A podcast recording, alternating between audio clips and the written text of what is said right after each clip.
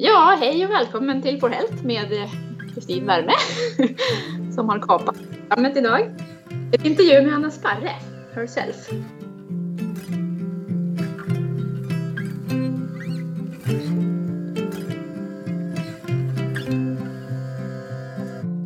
Hej och välkommen till For Health med Anna Sparre.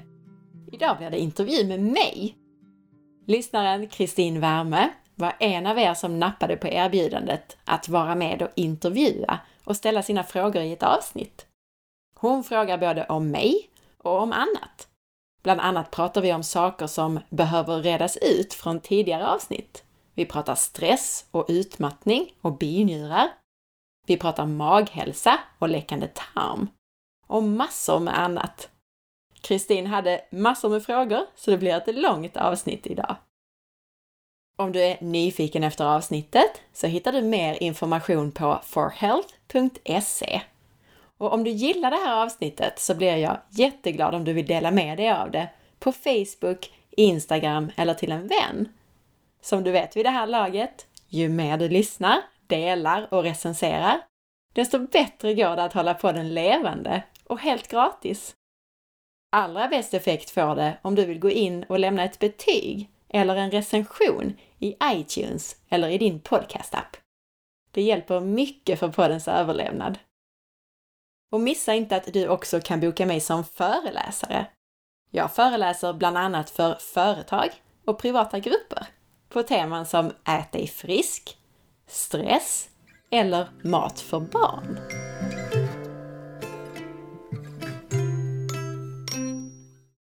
Vi kanske ska börja med att berätta bakgrunden till den här intervjun. Jag gick ju ut i avsnitt 100 med information till alla lyssnare om att eh, man kunde få möjlighet att intervjua mig. Och jag har ju blivit inbjuden till intervjuer, bland annat till andra podcasts, men jag har inte riktigt känt att jag haft tid att prioritera det. Och då tänkte jag, varför inte först och främst göra en intervju med mig själv i den här podcasten?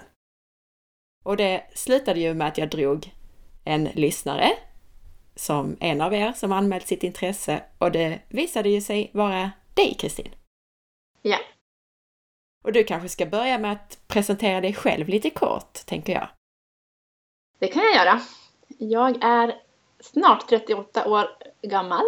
Um, och är kroniskt sjuk själv. Lever med ständig trötthet.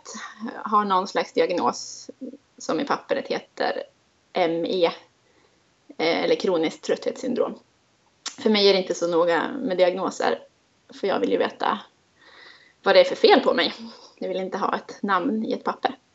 Eh, jag är utbildad journalist, bor på landet i ett stort hus med två barn och en man och en katt.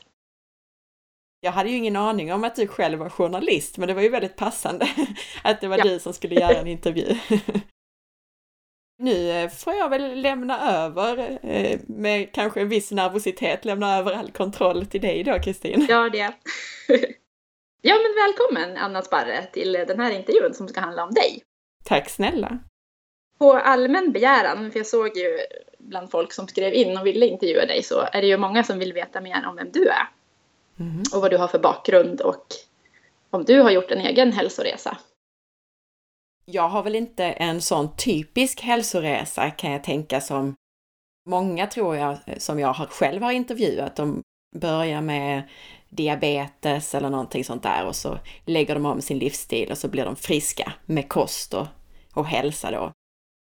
Jag har alltid varit hälsointresserad, även om det från början handlade mest om idrott. Jag har alltid tränat och tävlat i sporter gymnastik och ridning och friidrott och snowboarding och surfing och sådär.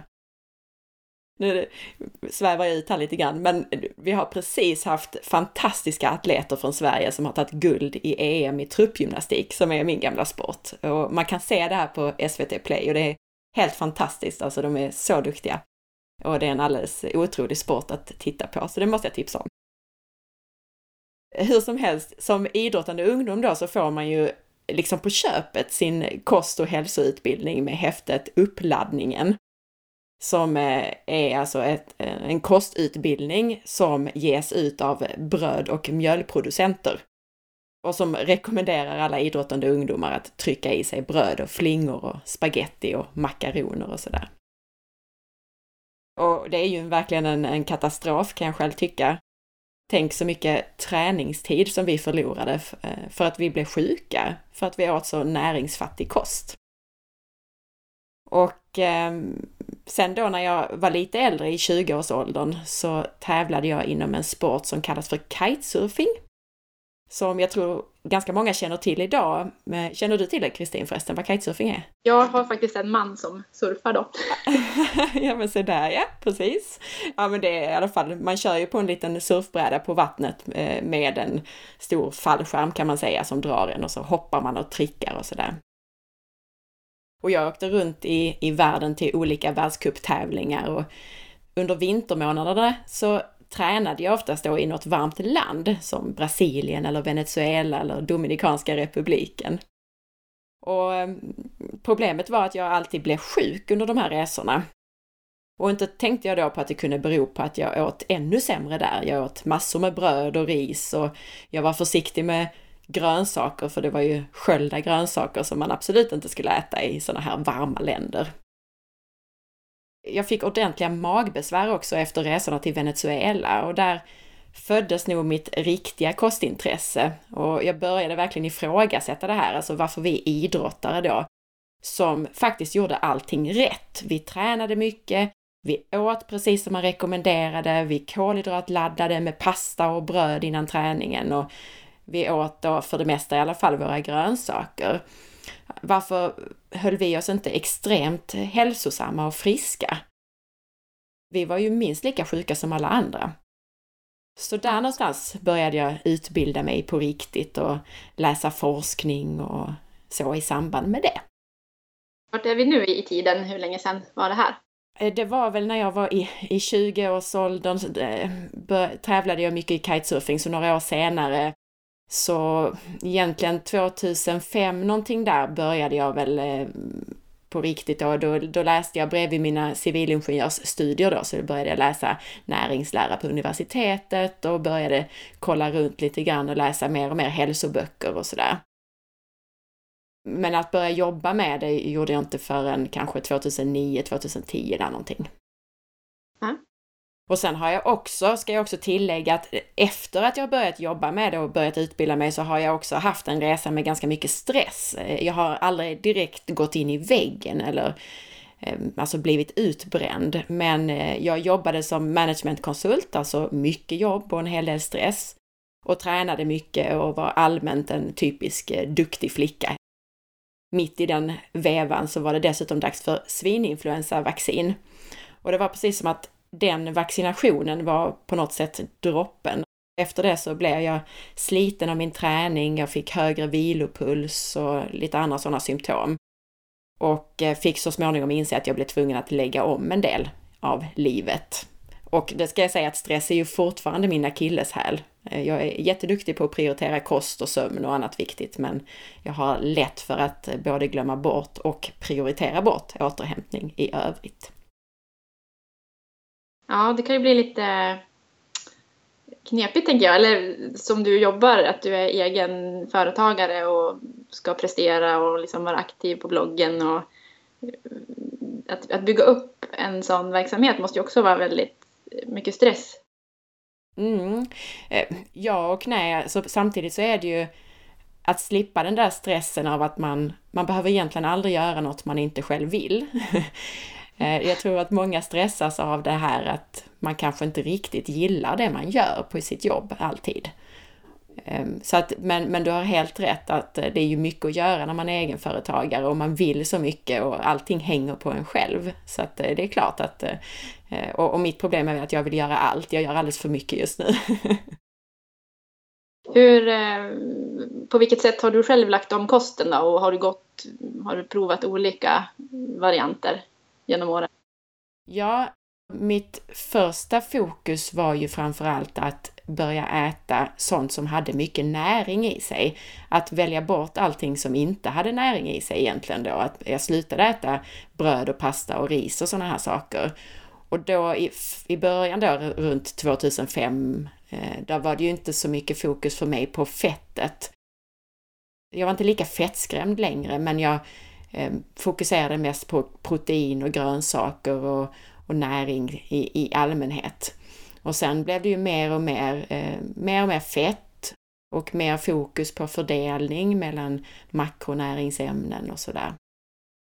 Så sen har jag ju varit inne, jag har testat allt möjligt, ketogenkost och eh, fasta och sådär och, och, det som funkar bäst för mig är väl eh, inte egentligen att vara så strikt utan att äta ganska mycket grönsaker och eh, ja, så. Ja, tycker du att du har landat i, du har hittat din optimala kost nu? Jag, jag tror det, men det, man förändras ju gradvis. Alltså jag tyckte att jag hade hittat min optimala kost även för några år sedan, men då åt jag mycket mer mejeriprodukter och så som jag har insett att jag både mår bättre av utan och också insett att jag tror att det är bättre för mig långsiktigt utan dem, för min hälsa alltså.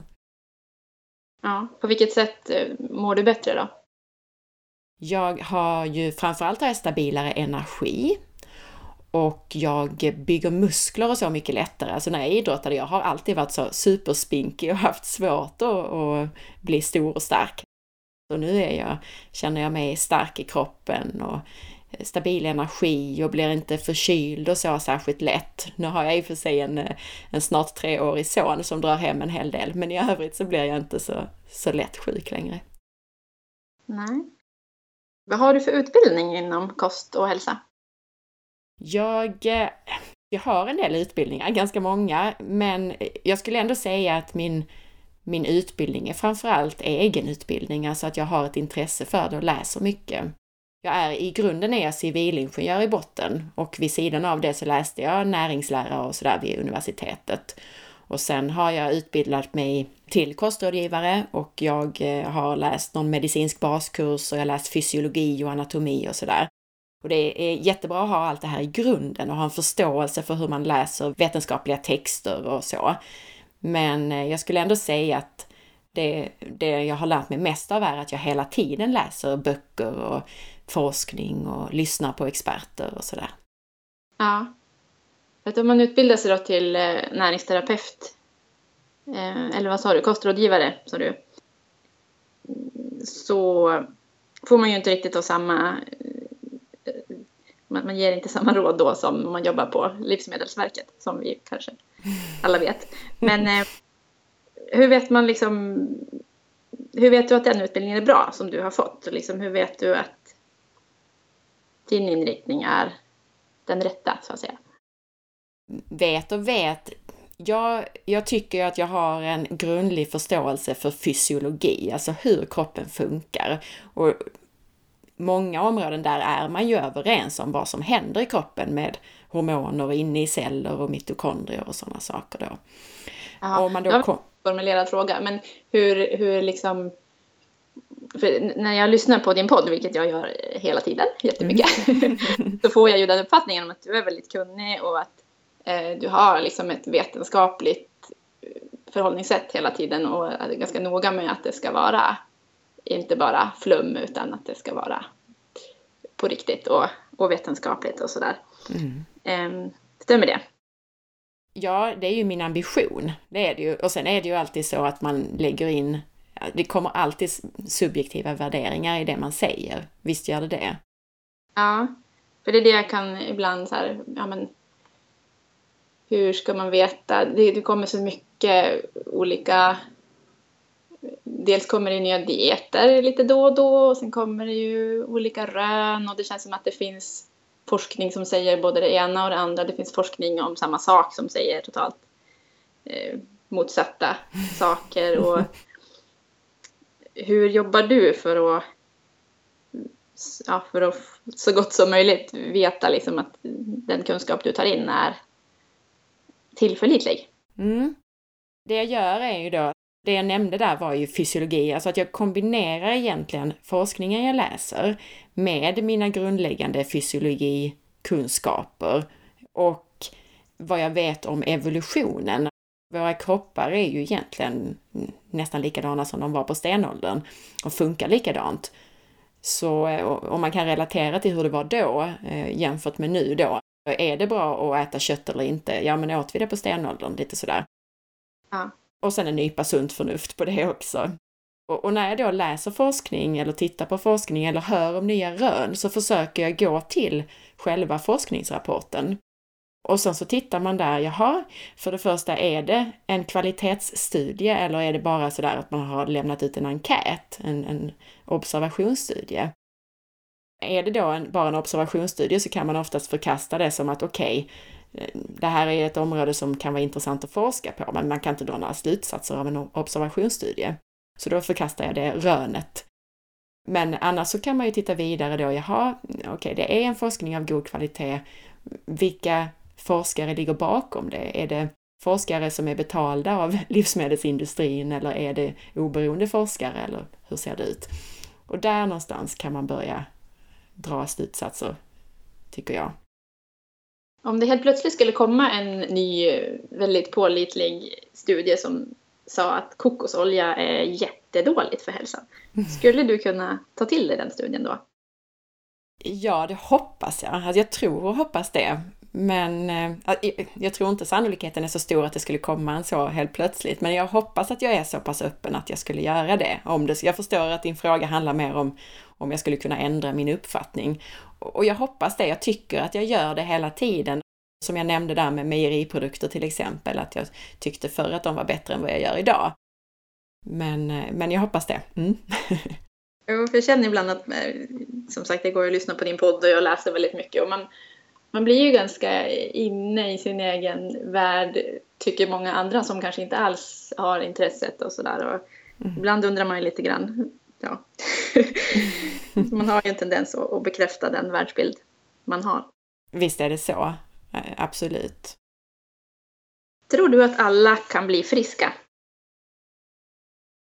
Ja, jag är övertygad om att alla kan bli friskare.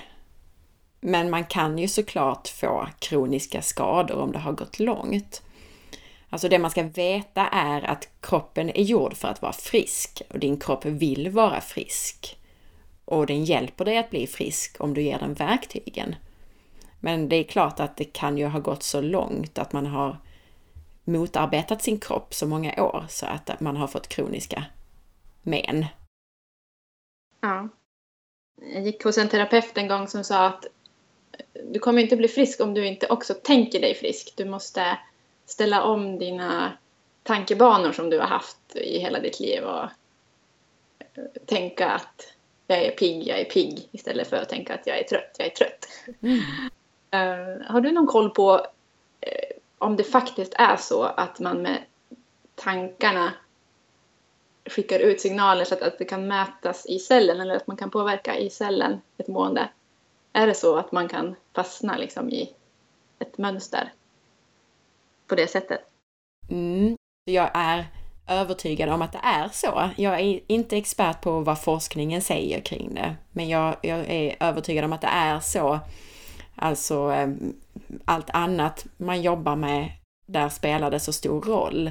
Jobbar jag med någon som ska ehm, sluta röka, säger vi, eller sluta äta någonting med socker i eller så, så, så kan man ju inte, det går liksom inte att hålla på och tänka på det. Det går inte att tänka att ja, jag ska inte röka eller jag ska inte äta godis, för att då uppfattar bara hjärnan liksom godis och röka och sen så är man fast i det.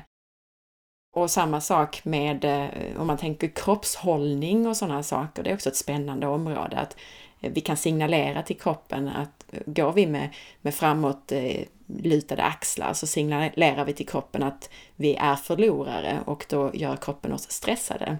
Medan vi tvärtom då kan, genom att bara ha en bättre hållning, så får vi bättre tankar och utsöndrar mer anabola uppbyggande hormoner och mindre stresshormoner och blir friskare.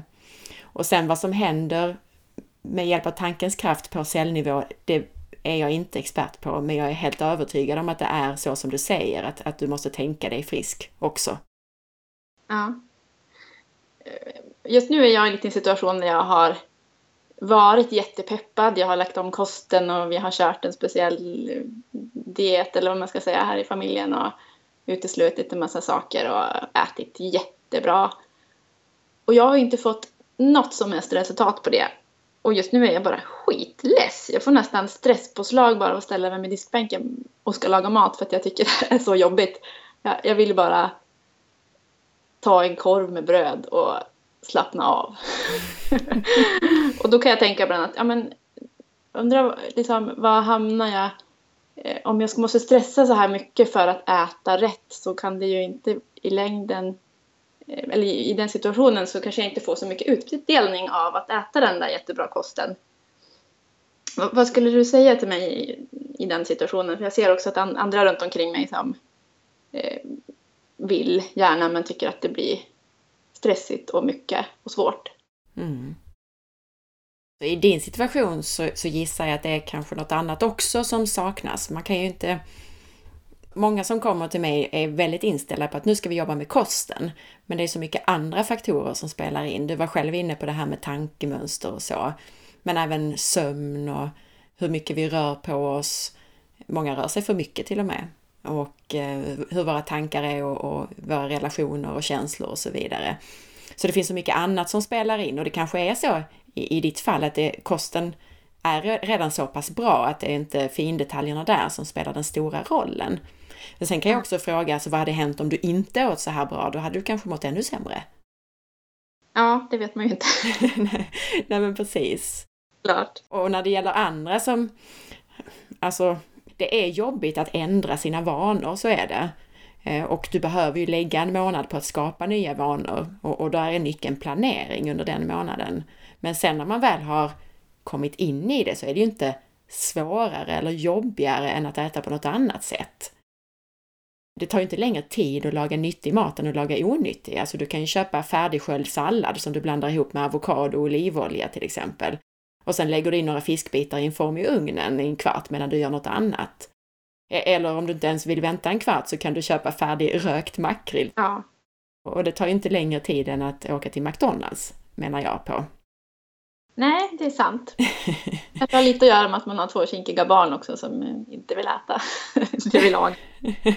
Precis, och där kan jag tycka att jag menar svenska barn kommer inte att svälta ihjäl, så är det. Jag tror, nu vet jag inte, nu har ju min son från början fått en viss mat så han har ju liksom fått, där har han fått acceptera. Och ibland vill han inte ha den maten för då har han fått eh, mackor på dagis och då är han mätt på det. Men eh, då får det väl vara så. Han, han överlever ändå. Men jag tror att svenska barn, det vill säga är att jag tror inte de svälter av att man bara serverar en sorts mat och till slut så tror jag att de accepterar det om de är tillräckligt hungriga. Ja. Absolut. Vi har också den inställningen men eh, ja, det funkar. inte i praktiken. Nej, där finns ju massor med, med tips kring, kring det. Men, men jag tror generellt att den där inställningen att det, ja, det är jobbigt att, att lägga om sina vanor. Och, eh, men jag tror att just det här med, med tidsbrist och att det är jobbigt och så, i, i längden är det inte jobbigare än att äta på något annat sätt. Okej, då säger vi så. Eh, men då undrar jag så här, om man lägger om kosten då och så kanske man börjar äta ägg och avokado på morgonen istället för att äta gröt. Och så märker man att nej, men det var inte riktigt bra för nu fick jag ont i magen eller någonting annat. Jag kanske inte tålde det här. Och så experimenterar man med lite olika livsmedel. Men eh, jag har många som börjar reagera på nya saker. Eh, är det vanligt? Enligt dig? Jag tror egentligen inte att man så ofta blir överkänslig när man lägger om kosten jag gissar att de flesta som, som upptäcker det, eh, att det handlar om att de faktiskt lyssnar på kroppen nu, eh, att de har blivit friska i övrigt. Det kan också vara så att de redan hade den här, eh, de hade kanske en, en skadad tarm innan. De hade kanske redan någon överkänslighet som de inte riktigt märkte och sen hade de en skadad tarm och så lägger de om kosten och så äter de kanske dessutom ganska enformigt. Man kanske öser på med ägg hela tiden. Och så har man då en skadad tarm och så kommer det ut lite väl mycket onedbrutet eh, äggprotein som immunförsvaret börjar reagera på. Det kan ju vara ett scenario till exempel. Så att jag tror det handlar om dels att man redan hade en del överkänslighet eller reagerade mot någonting redan innan man la om kosten. Men det så märker man det tydligare nu därför att man blev friskare i övrigt och då märker man de där magsymptomen starkare. Och dels så tror jag också då att det kan bero på att man kanske hade en skada i tarmen, en så kallad läckande tarm. Och sen så äter man lite enformigt och så reagerar man ännu tydligare på någonting. Mm. Hur viktigt är det att inte äta enformigt, eller att variera? dels är det ju viktigt då om man till exempel har en, en skadad tarm, en, man har en ökad sån här tarmpermeabilitet, alltså en läckande tarm. För att äter man då väldigt enformigt så har kroppen en massa mer att reagera på. Då är det viktigare att man roterar sin kost. Men sen så är det också viktigt att variera sin kost för att man ska få i sig allt man behöver.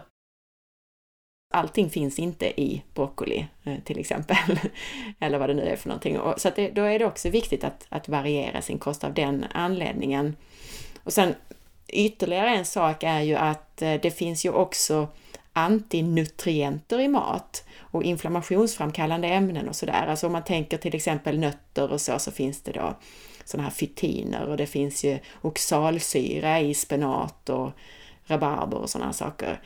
Så att av den anledningen så ska man också variera sin kost så att man inte äter jättemycket av en sak så att man får jättemycket av vissa antinutrienter. Ja. Jag har själv funderat lite på det här autoimmuna protokollet. Jag har inte gett mig på det, men jag funderar på det. Men då kommer jag ju gärna dit att jag tänker att oj då, vad, vad, kan man äta nu då? Det blir inte så himla många saker kvar. Då mm. kanske man måste köra ganska enformigt ett tag. Ja, och sen är det ju ofta så precis när man lägger om sin kost och utesluter saker så brukar man ha en tendens att ha dålig fantasi och innan man har lärt sig och, och hittat nya saker som man kan äta. Men det man kan försöka göra är ju att man skriver listor på till exempel att okej, okay, på måndagar ska jag äta broccoli och på tisdagar sparris och sådär.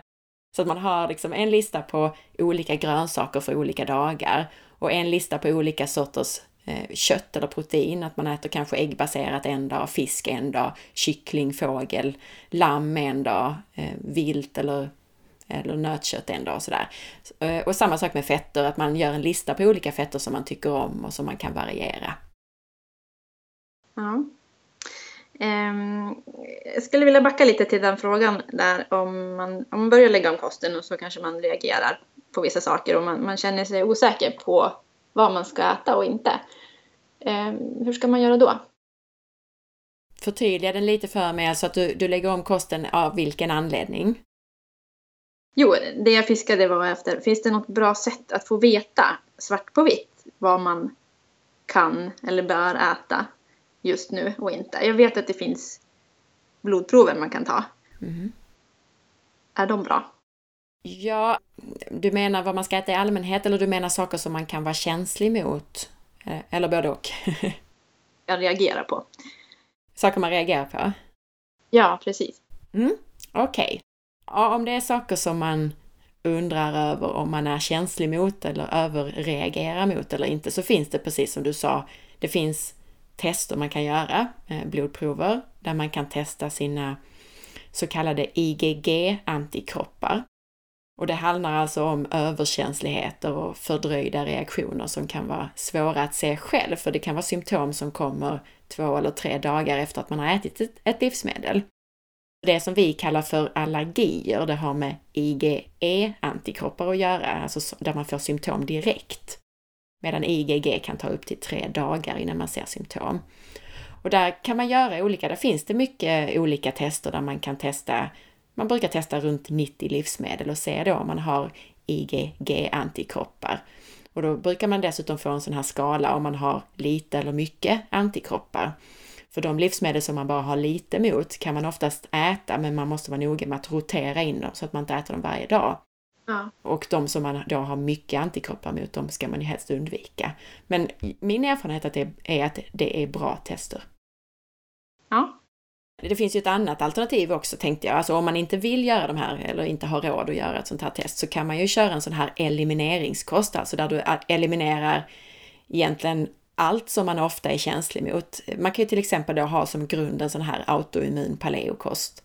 Och sen när man har kört den i några veckor så inför man ett livsmedel i taget och så väntar man tre dagar och ser om man får reaktioner. Och om man inte får det så kan man vänta ett par dagar till och så kan man införa nästa livsmedel. Ja. Jag hade också en fundering om eh,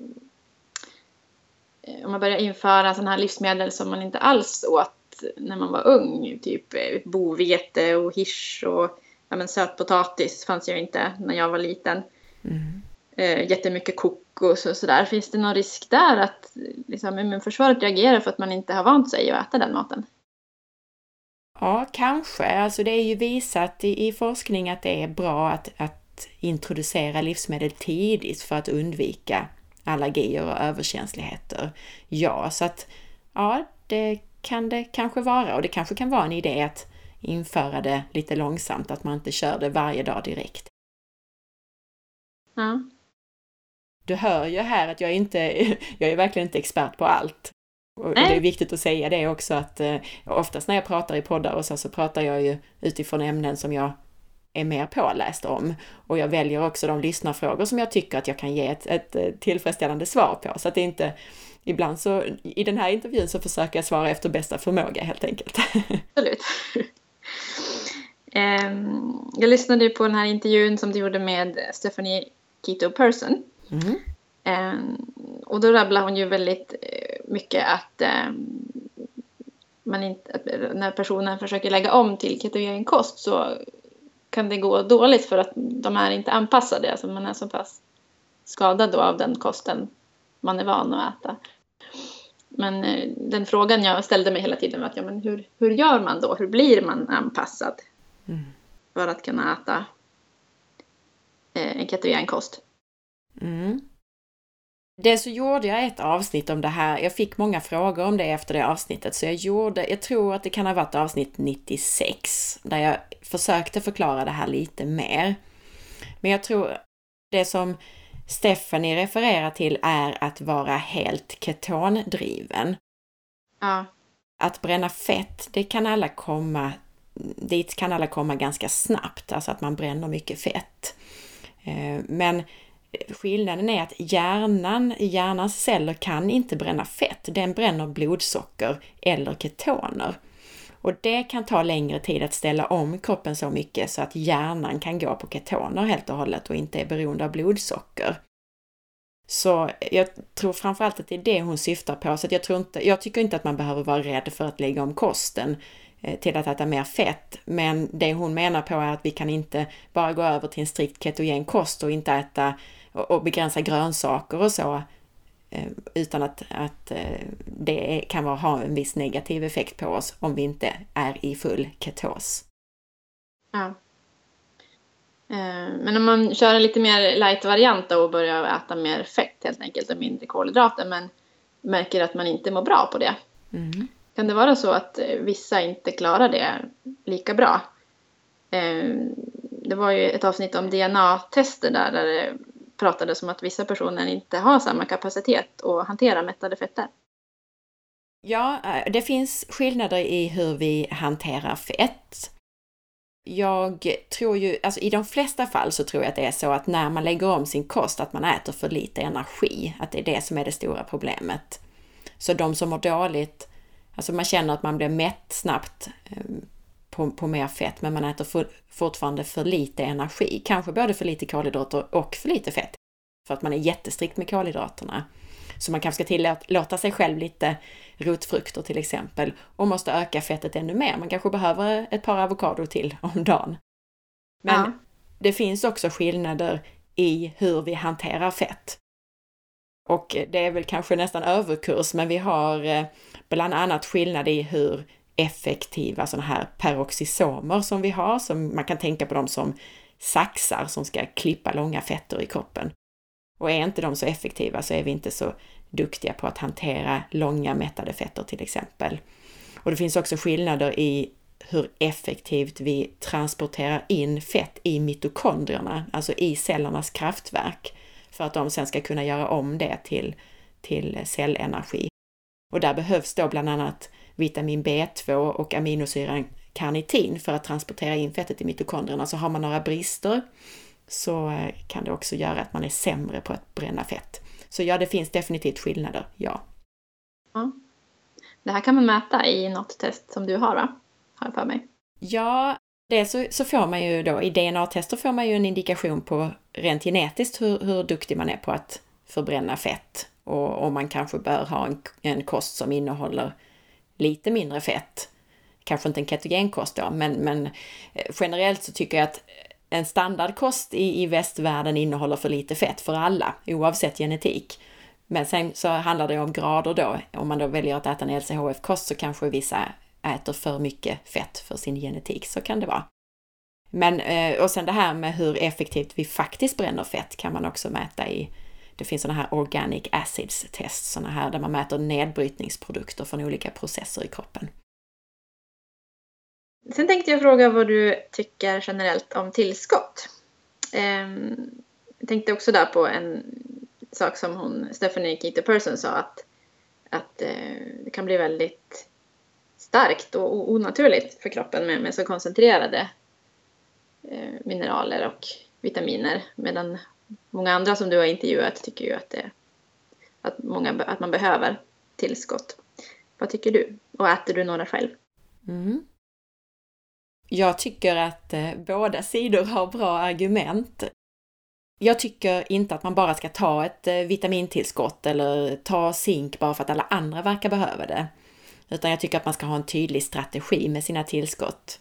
Och helst baserat på tester som man har gjort och som visar vad man behöver. Men det som talar för kosttillskott är ju framför allt att vi har mindre näring i maten nu för tiden. Vi har utarmade jordar. Vi vet att i Sverige så har vi brist på många mineraler i maten på grund av att vi har så fattigt med till exempel selen i marken. Och vi har också mindre antioxidanter och vitaminer och så för att maten plockas, grönsakerna då framförallt plockas omogna och har inte utvecklat alla vitaminer och antioxidanter. Så att eh, jag tror faktiskt att de flesta behöver vissa tillskott. Men att bara ta på måfå så är det ju så att vanliga multivitamintabletter till exempel, de innehåller dels syntetisk A-vitamin och eh, A-vitamin är ett fettlösligt vitamin så man ska inte få i sig för mycket av det. Och äter man då redan mycket fett och mycket smör till exempel som innehåller mycket A-vitamin så kan det här överskottet av syntetiskt A-vitamin eh, göra skada. Alltså det påverkar levern, det kan påverka benskörhet och sådana här saker. Och sen har vi syntetiska B-vitaminer där vi har då folsyra är ett B-vitamin till exempel, eh, en syntetisk form av folat. Och där finns många genetiska varianter som är jättevanliga som gör att man kanske till och med tar mer skada av att ta det än att inte ta det. Trots mm. att det är vattenlösliga vitaminer då. Och jag, jag tar själv en, en del tillskott, men det är huvudsakligen baserat på de tester som jag har gjort. Och då tar jag bland annat så tar jag ehm, jag tar vitamin B6 är ett, ett eh, vitamin som jag behöver lite extra av. Och det tar jag då tillsammans med andra B-vitaminer. Jag tar eh, ofta extra C-vitamin, selen och eh, det jag kan säga att jag, jag har ganska många tillskott men jag roterar dem lite grann. Så att jag tar multimineraltabletter tar jag också ibland, alltså med olika sorters mineraler. Ja, men det var ju intressant att höra, för det är lite så jag tänker. För jag, jag har ju också testat och blivit rekommenderad ganska mycket tillskott. Men jag känner någonstans att oj, det här, det här blir en stress för kroppen att stoppa i sig så här mycket saker hela tiden. Så jag brukar också tänka så att nej men nu, nu pausar jag lite med den här och så kör jag lite på med någon annan och så växlar jag. Det kan ju vara ett sätt att göra det på. Eh, man kan, alltså vissa mineraler och vitaminer kanske man behöver under en begränsad period. Och helst ska man ju kanske köra ett tag och sen göra samma test igen och se om nivåerna har blivit bättre. Vissa vitaminer kanske man alltid behöver för att man har en genetisk eh, variant som gör att man behöver lite extra av vissa B-vitaminer. Och sen så vissa saker eh, behöver man kanske kan jag tänka mer som en underhållsdos då för att vi har mindre näring i maten och de kan man då till exempel rotera in, tänker jag, beroende på vad det är för vitamin eller mineral, att man roterar in dem varannan eller var tredje dag. Det är också ett sätt att göra det på. Ja. Då känns det som vi kommer lite in på tarmen, för det, det ska ju tas upp också, det man stoppar i sig. Ja. Och det här med tarmen tycker jag är jätteintressant, så det hade jag tänkt få prata lite om. Mm. eh, vad är det vanligaste problemet vi har med våra tarmar? Är det, är det läckande tarm som nästan alla har eller hur ser det ut? Ja, jag skulle säga att eh, när jag gör tester och så, så det man ser är att nästan alla har någon sorts dysbios, vilket då betyder att man har för mycket av eh, dåliga saker i tarmen och för lite av de goda helt enkelt. Och just det här att man har kanske för lite mjölksyrabakterier, för lite bifidobakterier eller för lite E. coli-bakterier, sådana saker som ska vara i tarmen. Det gör ju att det då finns utrymme för sämre bakterier och olika gästsvampar eller till och med parasiter att, att ta fäste. Så det skulle jag säga är kanske det allra vanligaste och jag brukar jämföra det med en, en rabatt, alltså att har vi inte så mycket goda bakterier, de goda bakterierna är de blommorna vi vill ha i rabatten, tulpaner och rosor och sådär. Och har vi då bara dem i en liten del av rabatten eller väldigt utspritt så finns det mycket mer plats för alla ogräs att ta fäste i rabatten. Och det är mm. lite så man kan se på tarmen också, att vi har generellt för att, alltså av hygienfaktorer, antibiotika, vi kanske inte har blivit ammade eh, eller fötts med kejsarsnitt och så, gör att vi har en nedsatt tarmflora. Vi har mindre tulpaner och rosor och då har vi också mer dåliga bakterier. Och det i sin tur kan ju ge alla möjliga magproblem och det kan ge andra problem och det kan också bidra till en mer läckande tarm. Och, och bidrar det då också till att man kanske inte tar upp de vitaminer och mineraler som man äter? Absolut. Det är ju så att vissa av våra bakterier i i tarmen behövs för att både producera vitaminer och ta upp vitaminer och näring ur kosten. Absolut. Jag gick hos en terapeut en gång som menade att eh, det var bättre att ta tillskott som, som skulle tas upp via slemhinnorna i munnen. Mm. Just för att så alltså, har vi så dåligt upptag i tarmen. Eh, vad tycker du om det?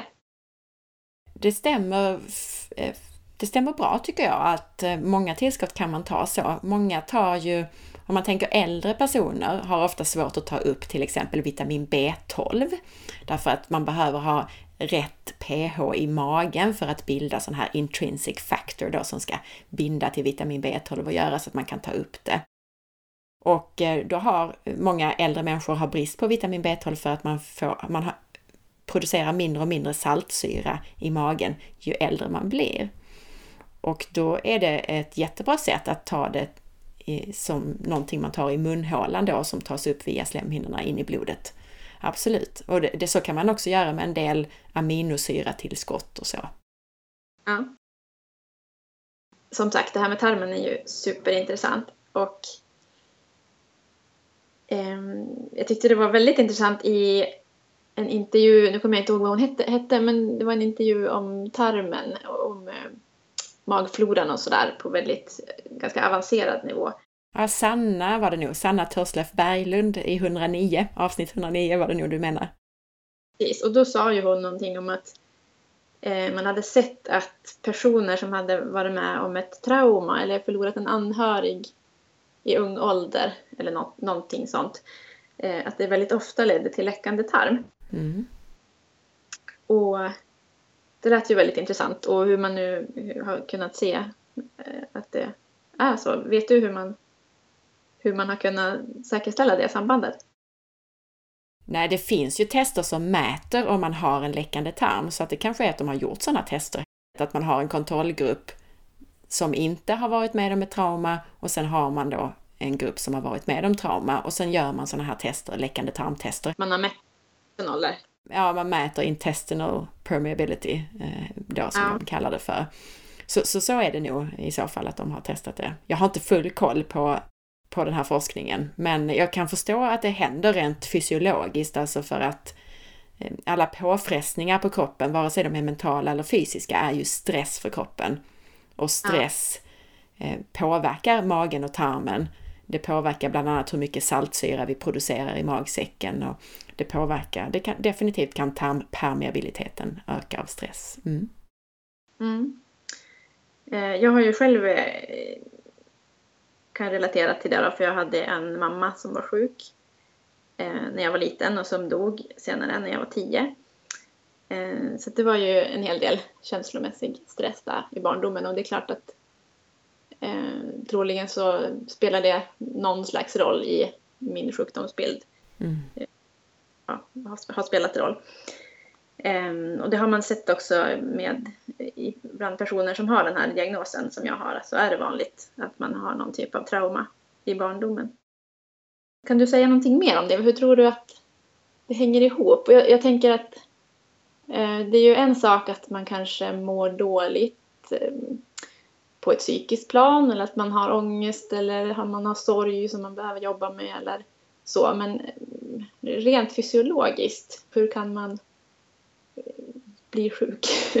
hur kan jag vara sjuk fortfarande fast jag inte har, jag har inga psykiska problem alls utan jag är bara väldigt fysiskt sjuk. Har du mm. några tankar kring hur det kan hänga ihop? Ja, alltså som jag nämnde så alla, alla påfrestningar på kroppen, eh, vare sig de är mentala då som ett stort trauma är eller även då ständig konstant oro, eh, Och, eller fysiska påfrestningar som att vi äter fel eller övertränar eller sover för lite eller har en infektion eller så. Allt det byggs på hög kan man säga i kroppen för kroppen har en stressreaktion som är i stort sett samma för vad den gäller för påfrestning, vare sig den är mental eller alltså ett trauma eller någonting annat. Så du kan ju gå in i väggen egentligen, vare sig det är mentala anledningar eller fysiska, fysiska anledningar. Det man kan förenklat säga är att du har gått in i väggen av mentala anledningar, kanske i kombination med då att vi har mycket mer stress idag. Du hade kanske ett stressigt jobb och ett vardagspussel som skulle gå att få ihop. Ja, Ja, för det är lite så jag tänker själv att ja, men jag kanske gick in i väggen väldigt ung. Mm. Så. Men, och då kom jag ju genast till frågan ja men borde jag inte ha blivit pigg nu när jag har ju vilat nästan hela livet. jag vilar och vilar och vilar. Jag är inte stressad och jag, jag bor på landet och jag har det lugnt och fint och jag är sjukskriven eller har varit det jättelänge. Och Mm. Ja, kan man, bli, kan, kan man få sådana skador av en utbrändhet eller att gå in i väggen att det liksom inte läker oavsett hur mycket man vilar? Det frågan är här är om du vilar från det som ger dig stress. Alltså, det kanske är så att du fortfarande har vissa oroande tankar eller att du fortfarande har någon infektion eller någon överkänslighet eller så som du inte har lyckats få bukt med det. Så att du äter saker du inte tål eller som också är en påfrestning på kroppen. Eller har mm. någon, eh, någon näringsbrist eller fortfarande har vissa oroande tankar eller sådär. Så det kan ju vara saker som fortfarande stressar dig som gör att du, fast du tycker att du vilar, kanske inte kroppen återhämtar sig från det den behöver återhämta sig från. Och sen mm. är det ju också så att det tar ju ett tag att gå in i väggen för de flesta. Och då kan det också ta ett tag att bli frisk från det. Alltså så att det finns ju inga quick fixes tyvärr för, för det här. Och rent forskningsmässigt kan man ju också se det finns forskning på det här med, med livstrauman, alltså att, att eh, man förlorar jobbet eller blir av med någon nära anhörig eller sådär. Och då kan man se att generellt så finns det då en ökad risk för sjukdom och att dö i förtid om man upplever trauma. Men man kan också se att de personerna som eh, aktiverar sig väldigt socialt, alltså att ta hand om andra människor eller blir omhändertagna, inte löper en ökad risk för sjukdom eller att dö i förtid. Så att det, det, är ju ett sätt kanske att jobba med det, att, eh, att vara socialt väldigt aktiv. Ja. Kan, kan man alltså säga, ska man tänka sig att ett, ett trauma då i barndomen kan bli en slags eh, liten startpunkt som till exempel då att tarmen kanske drabbas och då leder det i sin tur till vitaminbrister och, ja, och så vidare och så blir det som ett, ett hjul som snurrar på så att, så att man får väldigt påtagliga fysiska skador också. Även om inte traumat i sig är ett problem längre.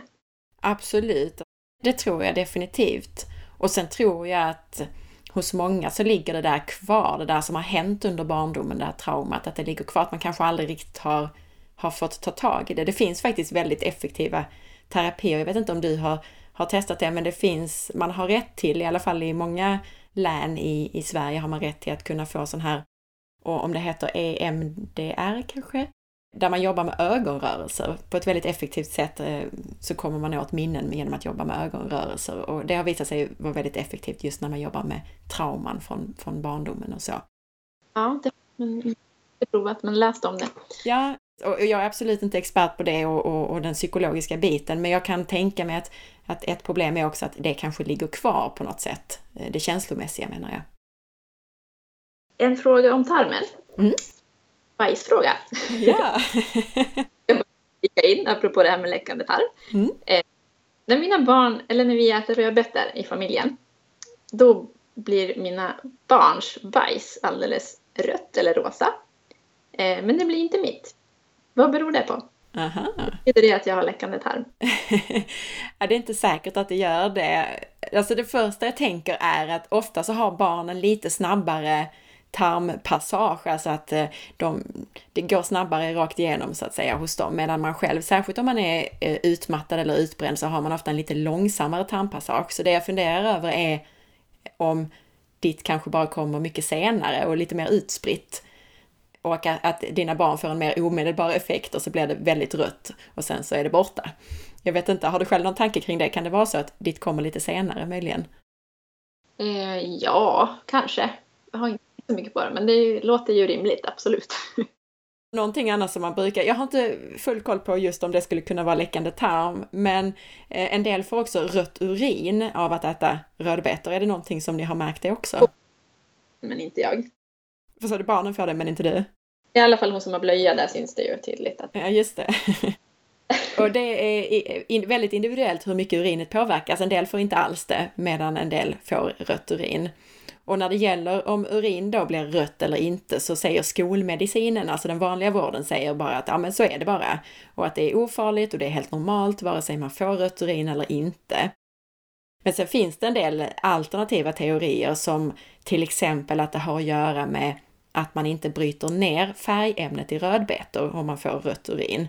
Och det i sin tur skulle kunna bero på för lite magsyra och en del säger också att det skulle kunna bero på järnbrist. Men detta är återigen ingenting som jag är expert på, jag bara vet att det finns sådana teorier. Eh, en annan liten fundering som jag har, ehm, om man tänker att tarmen läcker. Ehm, är det sämre då att äta mat med, som är väldigt finmalen eller med väldigt små beståndsdelar? Jag tänker typ fiberhusk och eller att man kanske gör smoothies där man mixar saker väldigt fint. Eller spelar det ingen roll? Nej, alltså det tror jag verkligen inte att det gör. Alltså du bör ju tugga maten tills den är som en soppa innan du sväljer den. Det är ett jättevanligt problem med att vi tuggar alldeles för dåligt idag. Vi har ju ja. som sagt då inga tänder i tarmen utan vi behöver för att kunna ta upp maten ordentligt tugga den väldigt noga. Och det tror jag det är nog viktigare om man har magproblem, inklusive en läckande tarm, än, än om man inte har det till och med. Och eh, fiberhusk just som du tar som exempel, det kan ju bilda en gel, alltså det är ju lite grann, om du lägger fiberhusk i vatten så blir det liksom som en geggamoja, en gel. Som kanske till och med skyddar, tänker jag, på insidan av tarmen, skyddar en läckande tarm. Så det tror jag nästan att du kan tänka tvärtom. Intressant. Då tänkte jag få backa bandet lite igen. Um och komma in på det här med utmattning som vi snuddade vid nyss. Mm. Ehm, det pratas om binjureutmattning. Ehm, eller som du sa senast här nu, en, kanske hellre en störning i HPA-axel. Ehm, det känns som det har varit väldigt populärt att prata om utmattade binjurar ett tag. Och jag själv har läst väldigt mycket om sköldkörteln. För jag började komma in på att jag har inte alls den här diagnosen utan jag har ju problem med sköldkörteln. Lärde mig jättemycket om det. Ehm, kom på att nej, jag ska ju inte ha sköldkörtelmedicin för jag har ju, mitt problem ligger ju i binjurarna. Och det var ett, flera terapeuter som, som sa det också. Men i takt med att jag har lärt mig ganska mycket nu då så, så tänker jag att eh, en binjureutmattning eh, är inte det bara ett symptom egentligen på någonting annat? Alltså att du har en stress eller som i mitt fall troligen en underliggande sjukdom. Eller hur ser du på det begreppet? Jo, absolut. Jag har ju pratat en del om det i tidigare avsnitt, precis som du sa. Eh, och ehm, till exempel i avsnitt fyra har jag pratat ganska mycket om det att jo, det är såklart symptom på någonting annat. Alltså vad är orsaken till det? Och det är ju stress och påfrestningar av olika slag. Och det handlar ju om att man överbelastar ett hormonsystem. Och i det här fallet så den här så kallade HPA-axeln då som, som involverar binjurarna. Men om man jämför det med diabetes, alltså jag tror att många av lyssnarna är väl bekanta med diabetes typ 2. Och äter man då massor med socker och mjöl och så som bildar så att man hela tiden har påfrestar kroppen med ett högt blodsocker. Så till slut så sliter man ut det här hormonsystemet med insulin så att inte det funkar så effektivt längre och så utvecklar man insulinresistens och diabetes. Och lite samma sak kan man tänka på när det gäller det här att belastar vi hela tiden den här HPA-axeln, binjurarna, med stress så till slut så sliter vi ut det här systemet så att inte det är lika effektivt längre. Och om man har gjort det då, om man har väldigt låga kortisolnivåer och ja, men, räcker det att ta bort den ursprungliga stressen och ja, men, äta bra och vila och sådär eller kan det vara så att man har fått så mycket skador på systemet så att det inte går att fixa så lätt? Ja, lätt är det ju inte tyvärr. Men eh, jag, jag tycker att det handlar i första hand handlar om att ta bort, alltså att, att rätta till orsakerna. Och det kan ta väldigt lång tid. Och man måste se över hela livssituationen. Jag brukar prata om att man, man har ett sånt här energisparkonto och när man väl går in i väggen, alltså man kan jämföra det med ett, ett vanligt bankkonto egentligen och de flesta har ju den här bufferten på sitt bankkonto. Eh, om värmepannan skulle gå sönder så har man de där tusenlapparna på, som en buffert på sitt bankkonto. Men när det gäller energi, där återhämtning då är valutan så att säga och eh, utgifterna är stress och påfrestningar, så är det väldigt många som ligger på plus minus noll hela tiden. Och när vi väl då går in i väggen, då är vi ju nere på sms-lån. Ja. Och där gäller det att börja spara igen, att spara ihop, att, att eh, vara med i Lyxfällan höll jag på att säga, men att man verkligen rannsakar sig själv, tittar på orsakerna till att man har hamnat i den här energiskuldfällan. Men också spara på alla sätt man kan. Och att spara här, det handlar ju dels om återhämtning i form av att sova tillräckligt mycket på rätt tider, att eh, inte överträna, att äta bra, att jobba med den mentala biten med tankemönster och sådana bitar. Och, och kanske att vara sjukskriven för jobbet och säga nej och sådana saker. Så att jag tycker ju att det handlar framför allt om att arbeta med de bitarna och orsaken då. Men det är klart att man får, de flesta upplever att de får bestående men. De flesta upplever att de kan bli bättre och få tillbaka väldigt mycket energi, men att man för alltid är mer stresskänslig. Och det handlar väl kanske snarare om att kroppen blir väldigt bra på det vi utsätter den för. Så utsätter vi den för väldigt mycket stress så blir den bra på att stressa, så vi blir stresskänsligare. Ja.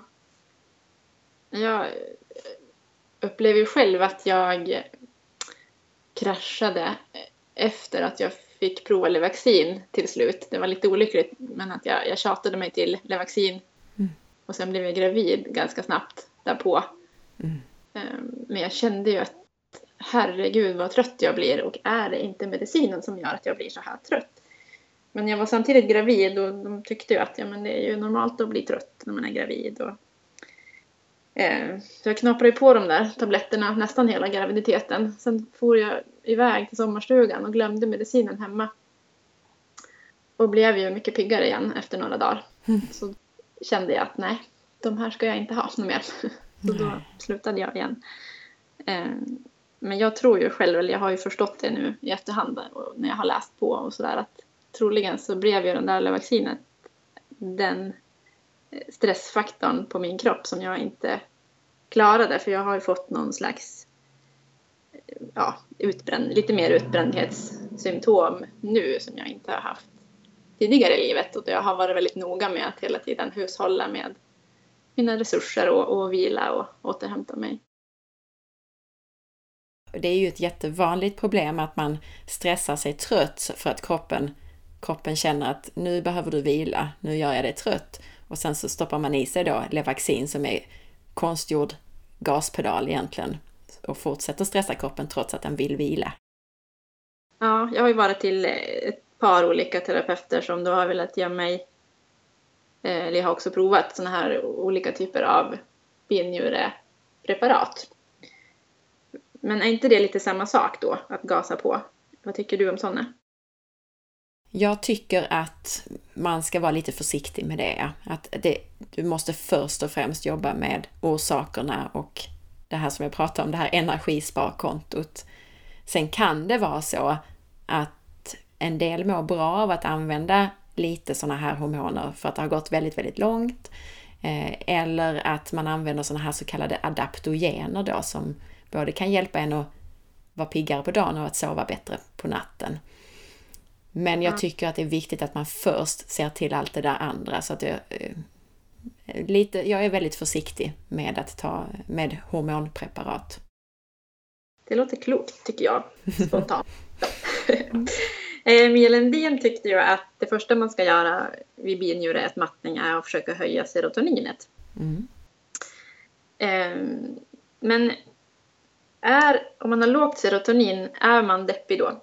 Eller kan man ha lågt serotonin utan att vara deppig?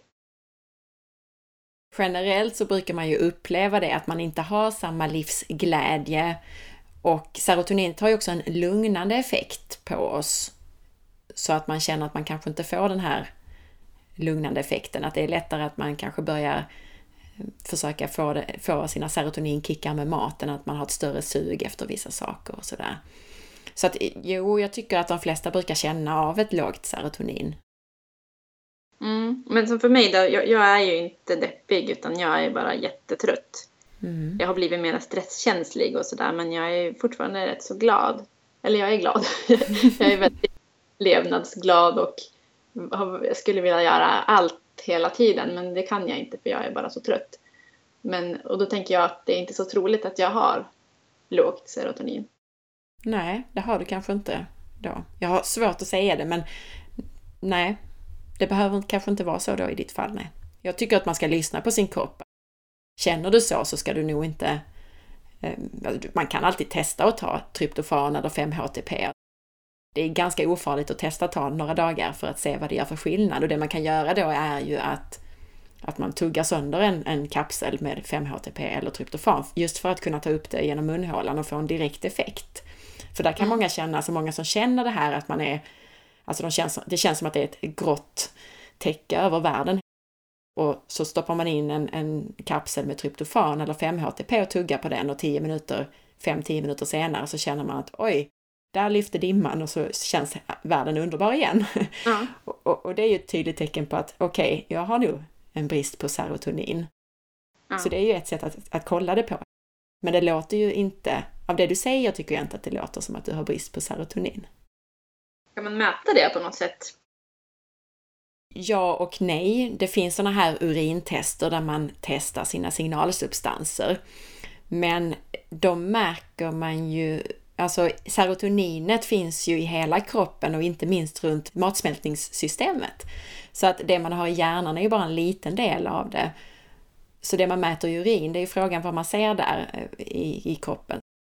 Samtidigt så tycker sig många terapeuter få bra resultat och att det stämmer väldigt bra. Alltså Mia Lundin använder ju själv de här testerna, säger hon, och tycker att hon ser bra resultat, alltså tydliga indikationer på eh, balansen av signalsubstanser. Men jag är osäker. mm. Jag är ju som sagt jättetrött. Jag vill ju helst sova jämt. Förutom att jag vill leva och göra jättemycket saker. Men, men ja, det, det, är min ständiga känsla. Speciellt nu på hösten och vintern så känner jag mig som en björn som vill gå i det. Jag kan gå och lägga mig och sova tupplur på tre timmar i sträck. Jag har också ett antal personer i min närhet som är sjukskrivna. Ja, med lite mer klassisk utbrändhet då, men det är ganska vanligt där att man kanske lämnar barnen på förskolan och åker hem och sover nästan hela dagen. Hur påverkar det här kroppen och kortisolnivåerna? Ja, en av de viktiga sakerna när man kommer tillbaka från utbrändhet och stress är ju att ha en bra dygnsrytm. Så att jag tycker det är viktigt att man kan sova bra på natten. och att man vaknar i vanlig tid och, och får dagsljus på morgonen. Men sen så är det ju också, det är ju naturligt att ta sig en tupplur. Många mår bra av det och mår man bra av det så tycker jag att det är bra. Så länge det inte stör din dygnsrytm och nattsömn. Så sov inte för sent på dagen, det är väl mitt största tips. Ja, för mig då som, jag har ju alltså varit trött ända sedan jag var barn och har ju sovit på dagen i princip hela livet eller ja, i, i min i, i vuxen ålder så har jag gjort det eh, åtminstone sådär en timme mitt på dagen. Men jag sover ju jättebra på natten. Jag kan sova hur mycket som helst. Eh, men skulle det ha kunnat blivit för mig en sån där eh, eh motorväg i hjärnan som att min kropp liksom har vant sig vid att sova. Jag tror ju att du sover för att, eh, för att du behöver det. Så länge du sover bra på natten så tror jag det är, det är jättebra för dig. Man behöver ju mer sömn när man har stressat mycket. Det är ju den bästa återhämtningen man kan få. Så om din kropp är trött och vill sova på dagen och du fortfarande kan sova på natten så tror jag det är hur bra som helst. Och så är det ju även om man tittar på naturfolk och så, särskilt under sommarmånaderna när de sover kortare på natten för att det är ljust så stor del av dygnet, så brukar de ofta ta en tupplur på dagen. Så det, det tror jag är, det tror jag inte är något negativt. Nej, så det är inget som liksom nedreglerar kortisolproduktionen, just det här med att man sover?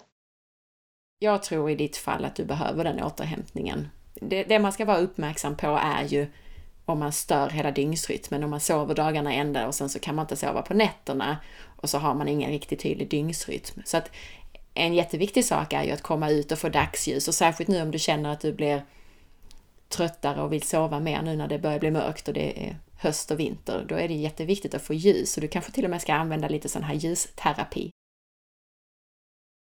Det talas också om tillskott av salt i dricksvattnet. Mm eh, vid binjureutmattning. Var, varför då?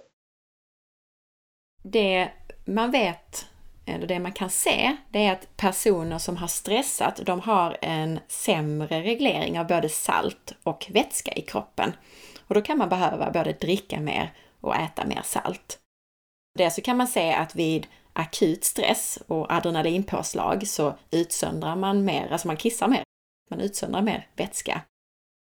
Och vätskan och saltet i kroppen de regleras av hormoner då som ADH kallas det ena, aldosteron kallas ett annat hormon. Och eh, man vet att stora mängder kortisol, alltså när man har stressat mycket, det gör att eh, ADH då, ett av de här hormonerna, minskar och då binder man mindre vätska. Och det andra är att när vi då har det som vi kallar för trötta binjurar och binjurarna försöker att prioritera att, att utsöndra kortisol, för det är det som du behöver för att kunna komma upp ur sängen på morgonen, så orkar de kanske inte, de ska också producera, nämligen binjurarna producerar just aldosteron. Och då orkar de inte med att producera så mycket aldosteron som behövs och då binder också kroppen mindre salt och mindre vätska. Så då har man en större omsättning på det och behöver dricka mer och även få i sig mer salt. Eh, en liten fråga till bara om det här med binjurar och stress. Så, eh, kaffe ska ju inte vara så bra då. Det ska man helst inte dricka alls. Men om man vill ta en liten kopp kaffe om dagen, hur, hur dåligt är det? Man ska ju inte ta för mycket därför att det är ju en stress för kroppen, det påverkar stresssystemen och det är en onödig belastning då på HPA-axeln att att dricka koffein innehållande drycker. Men att ta en liten kopp kaffe tycker jag kan vara okej. Okay. Alltså en liten kvalitetskopp kaffe, om det är det som, som ger dig livsglädje, så, så tycker jag absolut att du kan göra det. Det man ska se till är att man inte är beroende av kaffe för att komma upp ur sängen på morgonen till exempel. Mm en liten eh, espresso eller vad man nu dricker för någonting, det tycker jag av hög kvalitet. Ekologiskt kaffe helst då också. Ja. Hur mycket vatten behöver man dricka då? Det har ju varit en sån där fråga som har diskuterats hit och dit i media och folk har gått med sina vattenflaskor och klunkat jättemycket och sen har det kommit påbud om att nej, man behöver inte dricka så mycket. Va? Hur mycket ska man dricka? Det går inte att säga att du ska dricka en viss mängd vätska, för det är faktiskt väldigt, väldigt individuellt. Och vi pratade ju precis där om, om salt i, och, och vätskeregleringen när man har stressat. Det är ju en sak som påverkar att har man då en, en, en rubbad HPA-axel och så kallade trötta binjurar så behöver man ofta dricka mer.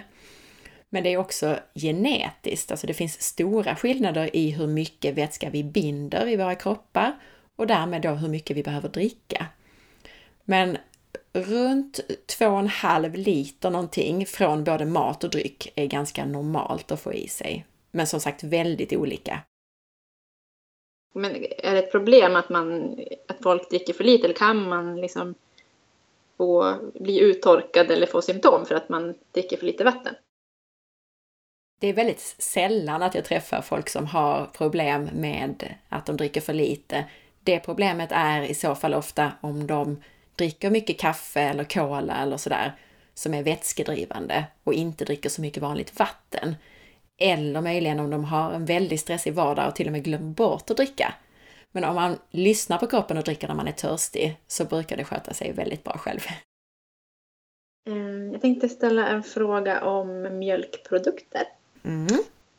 Det känns som en sån här gammal sanning som man har hört tidigare att i länder och bland folkslag där man äter mycket fermenterade mjölkprodukter som yoghurt och sådär att de generellt har en god hälsa och, och blir gamla och sådär.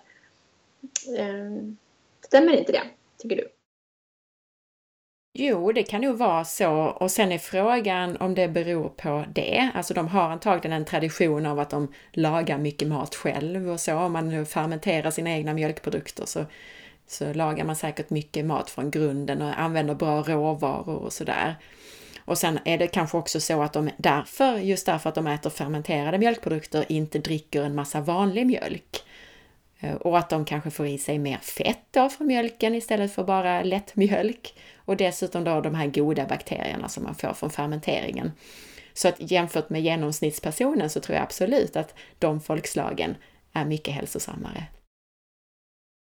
Det kan vara en fördel ändå att äta lite fermenterade mjölkprodukter om man tål det som vi hörde då av Jenny Neikell, surtanten, som berättade lite grann om syrade produkter och sådär, så alltså, köper man yoghurt och så, så är det ju väldigt, alltså då har man bara några stycken olika bakteriestammar som man syrar de här produkterna med. Om du istället då gör din egen filbunke så har du ju mycket, mycket större bredd på bakterierna och då blir det ju väldigt mycket nyttigare. Så jag tror att i de flesta fall så mår man bättre av att inte äta mjölkprodukter alls. Ska man äta mjölkprodukter så tycker jag att fermenterade mjölkprodukter är bättre. Men annars så tycker jag att det är bättre att du gör din egen surkål eller kimchi eller kombucha eller någonting annat som inte är mejeriprodukter men du får ändå den här bakterie, de här nyttiga bakterierna. Om man vill äta lite ost, är får eller getost bättre då än ko? mjölksost. Mm. De, de flesta klarar får och getmjölk bättre eftersom det är det här komjölkskaseinet, det här proteinet, som är det mest inflammationsframkallande och det som är svårast för de flesta att bryta ner. Så ja, det skulle jag nog säga. Eh, är det okej okay att förvara smör i rumstemperatur? Ja, alltså eh, så länge den smakar och luktar så länge smöret smakar och luktar gott så tycker jag det. Um, och det beror ju på hur snabbt man äter upp det också. Några dagar brukar ju aldrig vara några problem att ha det i ett skafferi eller sådär. Om det inte är mitt i sommaren kanske, då kanske man ska ha det i sitt, sitt kylskåp. Men det är väldigt tydligt när smör blir härsket. Jag har fått faktiskt härsket smör från, från butiken någon gång och det var ju inte alls gott. Vad bra, då kan vi fortsätta som vi gör idag. Mm. funderar jag på det här med kokosolja. Hur kan det finnas smaklös kokosolja? Vad gör de med den för att den inte ska smaka kokos? Det finns ju en process som kallas för deodorisering där man använder vattenånga för att få bort smaken. Och jag kan inte så mycket mer detaljer än det, men det är så man gör i alla fall. Ja, men det är inget skadligt Nej, eh, sen är det så att den smaklösa kokosoljan är oftast hårdare bearbetad än den här extra virgin kallpressade med smak. Så eh, jag skulle säga att generellt så är nog de med smak bättre. Och du har fler näringsämnen bevarade ofta ju mindre bearbetad kokosoljan är. Strålning från mobiler och olika master och routrar och sånt där. Hur stor betydelse tror du att det här har för vår hälsa? Eller vet du någonting? tror du och vad vet du? Uh, jag vet ganska lite om det, men det man kan se i, det finns studier som visar att bland annat mögel släpper ifrån sig mer gifter när man, när det är, när man är nära ett, ett wifi eller någon mast eller sådär. Så att påverkas gör vi nog på, på ett eller annat sätt och särskilt då om man har en, eh, många har ju faktiskt mögelallergi, vet kanske inte ens om att de har det, går omkring med en massa problem. Och sen har man allergi mot mögel och då det, blir det ofta värre av, eh, av strålning och, och master och så eftersom mög, mögel försvarar sig genom att släppa ut gifter. Oj, det var oväntat. Jag vet inte hur stora de här studierna är och så, och jag är inte expert på det, men eh, det verkar kunna finnas en viss påverkan. Så du tänker själv att det är en del av alla de här, alla de här sakerna som läggs i, i koppen, så att säga? Ja, alltså jag tycker ju, min rekommendation är alltid att inte ha elektronikprylar generellt i sovrummet till exempel. Och jag har också en timer på mitt wifi som stänger av mitt trådlösa nätverk på nätterna när jag sover till exempel. Som det leder in på en sån här lite mer filosofisk fråga som jag hade på min lista. Um, och det är hur mycket kan man liksom nörda in på det här med hälsa och mat och sådär innan det blir för mycket? för det finns ju så mycket och ju mer man lär sig om saker desto mer brukar man ju inse att man kanske inte kan. Mm. Eh, ja, och med mat och liksom in i minsta detalj. Hur, hur känner du? Kan det bli för mycket eller kan du nörda in dig precis hur långt som helst? jag älskar att nörda in mig men det är klart att det får inte inskränka livet för mycket. Så man ska, inte, man ska inte vara rädd för att leva och rädd för att gå ut och äta eller vad det nu är för någonting. Däremot så kanske man måste planera. Har man massa allergier och så eller en autoimmunitet så kanske man måste planera när man går ut till exempel. Men så det är klart att det kan bli för mycket. Men sen tror jag att de flesta som blir stressade av, av att läsa olika saker och när det kommer olika rön och så, eh, är just det här att de inte vet vad ska jag lita på? Det tror jag är den stora stressen för många. Ja, och sen blir det lätt att man kanske läser om gifter i olika plaster och så börjar man att plastbanta hemma och då kanske man glömmer bort det där man skulle tänka på någonting. Alltså det finns så många olika saker att tänka på att man behöver vara så medveten som ja. konsument. Och att man har bara en viss kraft och en, en viss förmåga att hålla ja, ett, ett visst antal saker mm. igång samtidigt en sak i taget är ju en bra princip. Alltså att man, man kan inte göra alla förändringar samtidigt, då blir det ju för mycket för vem som helst. Alltså ja. så gör man ju inte heller om man går till ett företag, jag har ju själv jobbat som konsult, om man går till ett företag och ska göra en förändring så är det ju en förändringsprocess, alltså där man faktiskt gör vissa saker vid vissa bestämda tidpunkter. Det är inte bara det att man lämnar en lista, här gör detta, börja idag. Utan man får ju faktiskt, så att, där får man ju sätta sin egen prioriteringsordning på det. Man kan få skriva en lång lista på saker man vill göra och så säger man att okej, okay, i eh, november så gör jag det här och eh, jag ska äta minst en avokado om dagen och jag ska börja morgonen med att äta ägg eh, så att jag börjar dagen bra och sådär. Och sen i december då ska jag rensa ut plaster i köket så att man har kanske en, en lite mer realistisk eh, syn på det framför allt. Och sen tror jag också att det är en sak som kan göra att det känns eh, mer positivt för en, det är att man fokuserar på vad man ska göra istället för vad man inte ska göra. Så istället för att fokusera på att åh, det är så hemskt om jag får i mig lite socker, så fokusera på just det här att jag ska få i mig en avokado till mellanmål eh, varje dag eller jag ska börja dagen med att äta en omelett med eh, grönsaker till, till exempel. Nu när du sa ordet autoimmunitet så kom jag på att jag hade en liten fråga där som jag har glömt att ställa. Mm. Um, och det var så här att uh, när man ska äta en autoimmun paleo så, så ska man ju utesluta om det nu heter nattskatteväxter kanske. Mm. Aubergine och tomat och vissa sådana. Och även nötter och fröer och så. Ehm, Du får korrigera mig om jag har fel. Stämmer. Men då tänkte jag så här att om man märker att man reagerar på de sakerna. eh, Är det troligt att man har en autoimmun sjukdom då? Nej, så behöver det inte vara, tycker jag.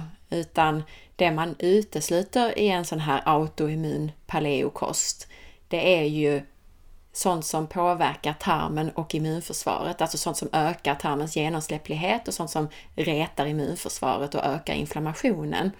Och sen Ja. utesluter man också vanliga allergener. Och just eftersom det är vanliga allergener så kan ju vem som helst egentligen reagera på de här ämnena. Och man behöver inte ha en autoimmun sjukdom bara för att man gör det. Okej. Eh, Jag hade en fundering också kring fläckar och prickar på huden. Mm. Eh, Leverfläckar brukar det kallas. Eh, Vad är det för någonting? Varför har man dem? Mm. Leverfläckar då, eller födelsemärken som man också kallar dem för, de, enligt det man lär sig i vanlig medicinsk utbildning, eh, det är, då är det liksom en mörk fläck på huden som innehåller extra mycket pigment. Och man får fler med åldern, man får fler under graviditeten. Och det är åtminstone delvis genetiskt hur många man har. Och jag har själv jättemånga och en typisk riskhud för att utveckla hudcancer har jag. Så jag måste gå och undersöka hos hudläkare ofta. Var det svar på din fråga? Jag kan prata mer om, om leverfläckar om du vill. Ja, för det jag har hört lite grann är att det har mest med, faktiskt med, med avgiftningssystemet att göra och, och levern och sådär. Men jag vet inte om det är en myt eller om det finns någon sanning i det. E- Enligt en van, det man lär sig i vanlig eh, medicin och det som man säger i vanliga vården så har det inte med levern att göra. Men det, jag vet inte om det finns någon, några studier eller någon häftiga erfarenheter kring att det kan ha någonting med levern att göra. Utan det, det man pratar om är alltså att det har med pigmenteringen att göra. Okej. Jag måste ju berätta då, då. Jag är med i en Facebookgrupp om candida. Vi har ätit en, en sån kost ett tag. Och hon som har startat den gruppen har visat bilder på sin hud och före och efter hon har kört eh, den här kosten då för att, för att bli friskare och bli av med candida. Och hon påstår att hon har blivit av med jättemycket prickar Mhm. på huden. Mm. Så det är lite intressant. Mm. Sen finns det ju, alltså det finns ju andra fläckar också som man kan ha som inte är det som vi kallar för födelsemärke eller leverfläckar. Ja. Så att jag vet inte om det möjligen kanske är något annat också. Möjligen. Jag är väldigt öppen för att det kan finnas andra förklaringar, definitivt.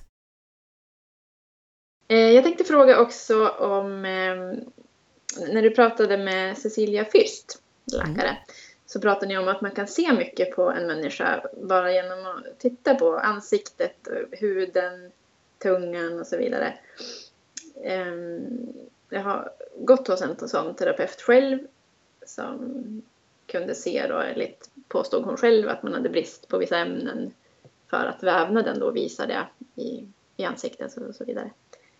Ehm, Och det är ju jätteintressant tycker jag. Verkligen. Du någonting om det här? Tycker du att eh, ja, är det en bra diagnosmetod eller har du någon erfarenhet av det själv? Jag hade önskat att jag var bättre på det. Jag tycker det är alldeles fantastiskt. Det är ett jättebra komplement särskilt till olika tester och till symptombilden då som, som klienten eller patienten beskriver. Och att titta på huden kan ju, kan ju jag också göra till exempel efter eksem eller efter torr hud eller håravfall. Det är ju en bra början. Och kan vara tecken på allt från näringsbrister till inflammation eller hormonella obalanser. Och några saker som jag tycker är intressanta det är ju naglarna. Om du äter bra och ändå till exempel har räfflade naglar, alltså vertikala räfflor, så har man eh, troligen problem med näringsupptaget, alltså magproblem. Okej. Och just eh, vissa som har eh, tydliga näringsbrister får till och med riktiga gropar i naglarna. Mm. Och just det, en annan sak som man också kan titta på det är sådana här längst ner på naglarna. Om du tittar på dina naglar så i alla fall på tummarna så brukar man kunna se att man har som vita halvmånar längst ner. Ser du det? Ja. Alltså små, precis. Det finns ett, ett ganska starkt samband, verkar det som, mellan den hormonella hälsan och de halvmånarna. Och då ska man ha det på helst på alla fingrarna. Och har man då inga sådana så har man ofta mer hormonella besvär. Ja, det har jag läst om. Men är det något pålitligt eller är det mer spekulationer? Jag, vet, jag har faktiskt inte sett någon jättebra forskning på det helt ärligt, men däremot så tycker jag att det rent erfarenhetsmässigt stämmer. Om man tittar på personers naglar så har man då till exempel, är man utmattad, har sköldkörtelbesvär och så, så har man, saknar man ofta åtminstone på några stycken fingrar sådana här där halvmånar. Vad det sen beror på och, och den exakta vetenskapen, den är, är jag mindre säker på. ja, jag har bara på tummarna, inte på någon annan hand. Ja. Eller man finger. Precis. Här klippte jag bort en lite för utdragen diskussion om blodsocker och kortisol, men jag har behållit den del av svaret som är intressant. Here we go! En sak som kan vara vettig att ta upp här också, tänker jag, med tanke på att du säger att jag, jag vilar och vilar, jag blir inte bra. Alltså, energinivåer har ju egentligen, kan jag säga, huvudsakligen med tre system i kroppen att göra. Och det är ju binjuresystemet, alltså HPA-axeln. Det är med sköldkörtelsystemet och det är också med mitokondrierna, alltså de här små kraftverken inne i cellerna. Där kan vi också ha problem och det ser jag ofta i hälsotester att personer som är utmattade, de kanske båda har problem med stresshormoner och med själva mitokondrierna. Alltså har vi kört vår kropp på högvarv väldigt länge så har vi antagligen förbrukat upp väldigt stora reserver av till exempel koenzym Q10 som behövs i mitokondrierna när vi producerar energi. Eh, och vi kanske också har brist på B-vitaminer som också behövs vid energiproduktionen. Och då kan det ju vara att problemet kanske just nu också framförallt sitter i mitokondrierna. Om man äter väldigt lite fett under en tid Ehm, vad, kan ge det, vad kan det ge för skador? Kan det ge bestående men? Kan man få riktig fettbrist? Ja, dels så har vi ju essentiella fettsyror då som vi behöver få i oss regelbundet, alltså omega-3, men faktiskt till och med omega-6 är ju också en essentiell fettsyra som bygger sådana här eukosanoider som vi behöver, bland annat i immunsystemet. Och sen är det ju så att fett generellt, det det bygger ju våra cellmembran. Det bygger myelin runt våra nervceller så att nästan hela hjärnan är en stor fettklump egentligen. Eh, fett är ju vår grundläggande energi. Fett och kolesterol, det bygger våra hormoner, våra könshormoner, stresshormoner och så vidare. Så att det, det kan absolut ställa till problem och jag tycker att eh, många jag träffar som har levt fettsnålt, de upplever kanske framförallt att det påverkar deras eh, hormoner, deras fertilitet, deras hormonella balans. Och sen så ger det ju, ju mindre fett vi äter, desto mer kolhydrater äter vi. Och det är ju svårt att säga vad beror de här eh, negativa symptomen som vi får, att vi kanske har energisvängningar och så, beror det på att vi äter för lite fett eller för mycket kolhydrater eller både och? Så det är mm. svårt att säga vad som är vad där. Jag menade också mer om det kan ge bestående men Alltså sådana skador som inte går att reparera. Du borde kunna göra det eftersom, just eftersom vi har essentiella fetter, alltså sådana fetter som vi måste äta därför kroppen kan inte själv producera dem. Inte i tillräcklig mängd i alla fall. En del fett har vi ju alltid på kroppen eh, i form av underhudsfett. Hur smala vi än är så har vi underhudsfett. Men det finns ju också vissa fettsyror som vi måste tillföra med kosten. Så ja, det borde kunna ge bestående men att äta för lite fett. Men ja. kroppen har ju också en, en otrolig förmåga att reparera sig, så jag tycker inte att man ska vara orolig för att man har ätit för lite fett ett par år om man sen lägger om sin kost bara. Jag har en vän som inte mår så bra. Mm. Tror att hen har ADHD, inte utredd men har sådana symptom i alla fall. Um, om man ska göra en endaste grej alltså man ska börja någonstans om man har den typen av problematik. Finns det någonting som är mer eh, beprövat eller som du anser är det viktigaste att göra? Det finns ju massor med saker att göra egentligen. Men det man kan, det man skulle kunna, om jag bara får ge ett råd så skulle jag nog säga ät mer fett, men inte från mejeriprodukter. Utan från avokado, nötter, olivolja och så vidare. För gör man det så får man också bukt med en massa andra saker, för då äter man ju mindre socker. Äter man mer fett så äter man mindre socker och mindre gluten. Och, och om fettet då inte ska komma från mejeriprodukter så äter man också mindre mejerier, som är tydliga sådana saker som brukar påverka just eh, ADHD och ja. autism och sådana här saker då. Och sen ska jag också säga att det finns saker utöver kosten, eh, alltså motoriska övningar och så som är viktiga. Men skulle jag ge ett råd så skulle jag säga ät mer fett, inte grädde och så, utan eh, avokado, olivolja, nötter och sådana saker. Det kan ju ganska ofta bli ett problem tycker jag när man är sådär insnöad som jag är och läser mycket och kan ganska mycket också. Att man har, man har levt med det här i flera år och liksom att tänka på kroppen och själen som en ja, men som ett, ett, glas som till slut blir fullt. Det är inte bara en endaste sak som, som avgör hur man mår och vi är så vana i det här landet att man ska få en diagnos och så ska man få ett piller och sen ska det bli bra. Mm. Um, när man försöker sprida sina kunskaper så blir ju folk ganska stressade och ibland till och med arga eller irriterade för de tycker ju att det blir så jobbigt och de tycker att det är så extremt och ja, beroende på då, vad de har för vanor och sådär. Men så att det, som i det här fallet så om jag kommer och ger 20-30 olika råd om vad man kan göra så, så blir den här personen jättestressad. Ja, det är ju, jag brukar säga det att låt folk komma till dig snarare. Ja. Och då är det ju lättare också att ge råd utifrån vad man själv har gjort och då kanske man, om man nu gärna vill smyga på någonting så kan man ju säga, vet du vad? Det som har fått mig att må allra bäst, det är att äta mer fett. Eh, att jag äter en avokado om dagen och jag äter olivolja på alla mina grönsaker och sådär. Mm. Men annars så tycker jag, låt dem komma till dig. Alltså när du gör en, en kostförändring eller så, så pracka inte på det på någon annan utan de måste själva vara nyfikna och komma till dig. Annars så bara kommer det ta massor med energi från dig själv att behöva försöka övertala folk som inte vill bli övertalade. Ja, absolut.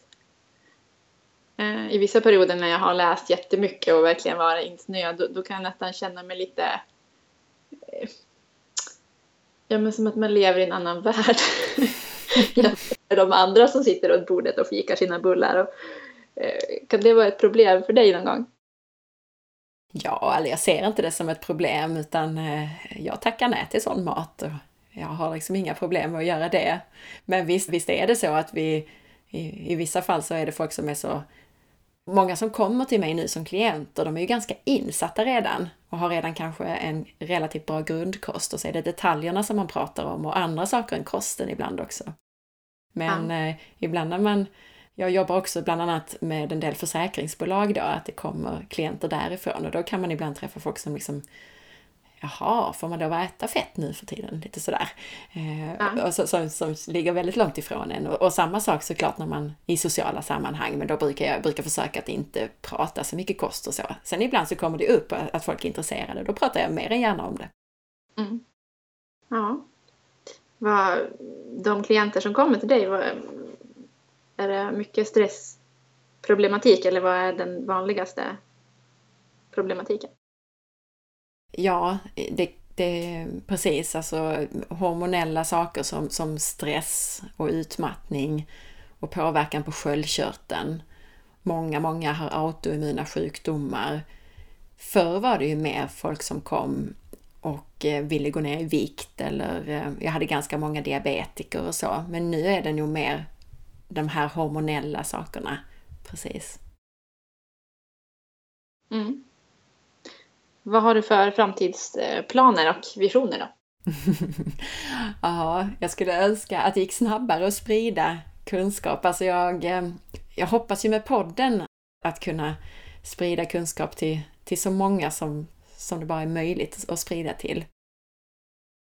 Det känns som att man hinner inte i den takten man skulle önska och vården ligger, ligger så väldigt långt efter och även om vi tar upp ett ämne så har vi fortfarande inte svar på allting såklart och vi kanske bara naggar lite i kanterna på ett ämne som eh, IBS eller SIBO eller någonting sånt där.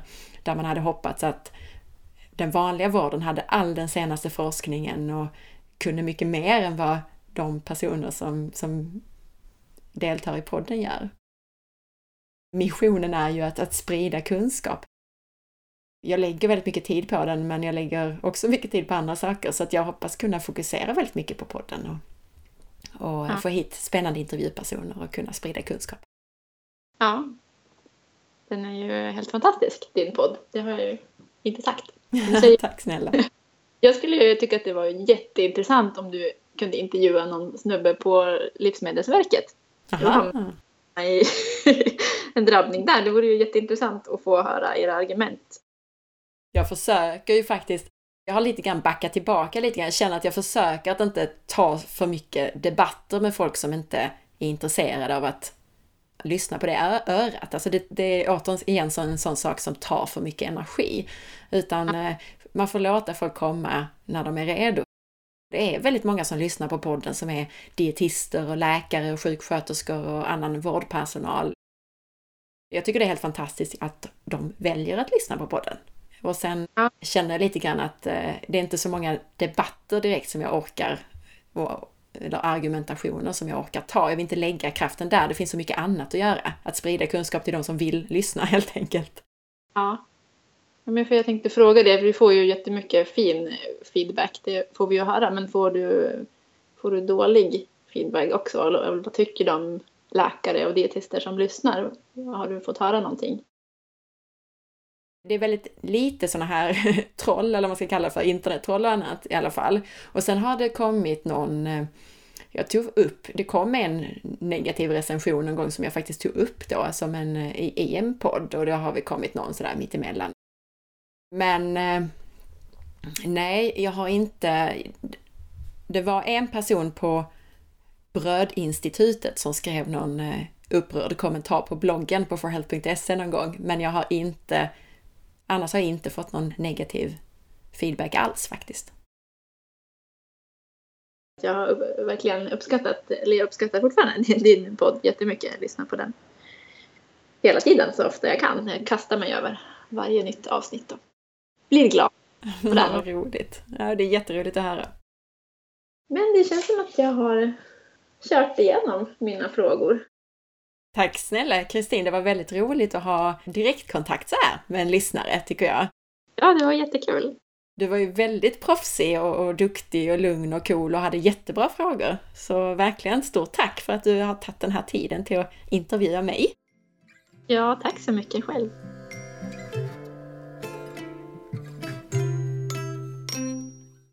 Kristin ställde ju frågor rörande sin egen hälsa i det här avsnittet.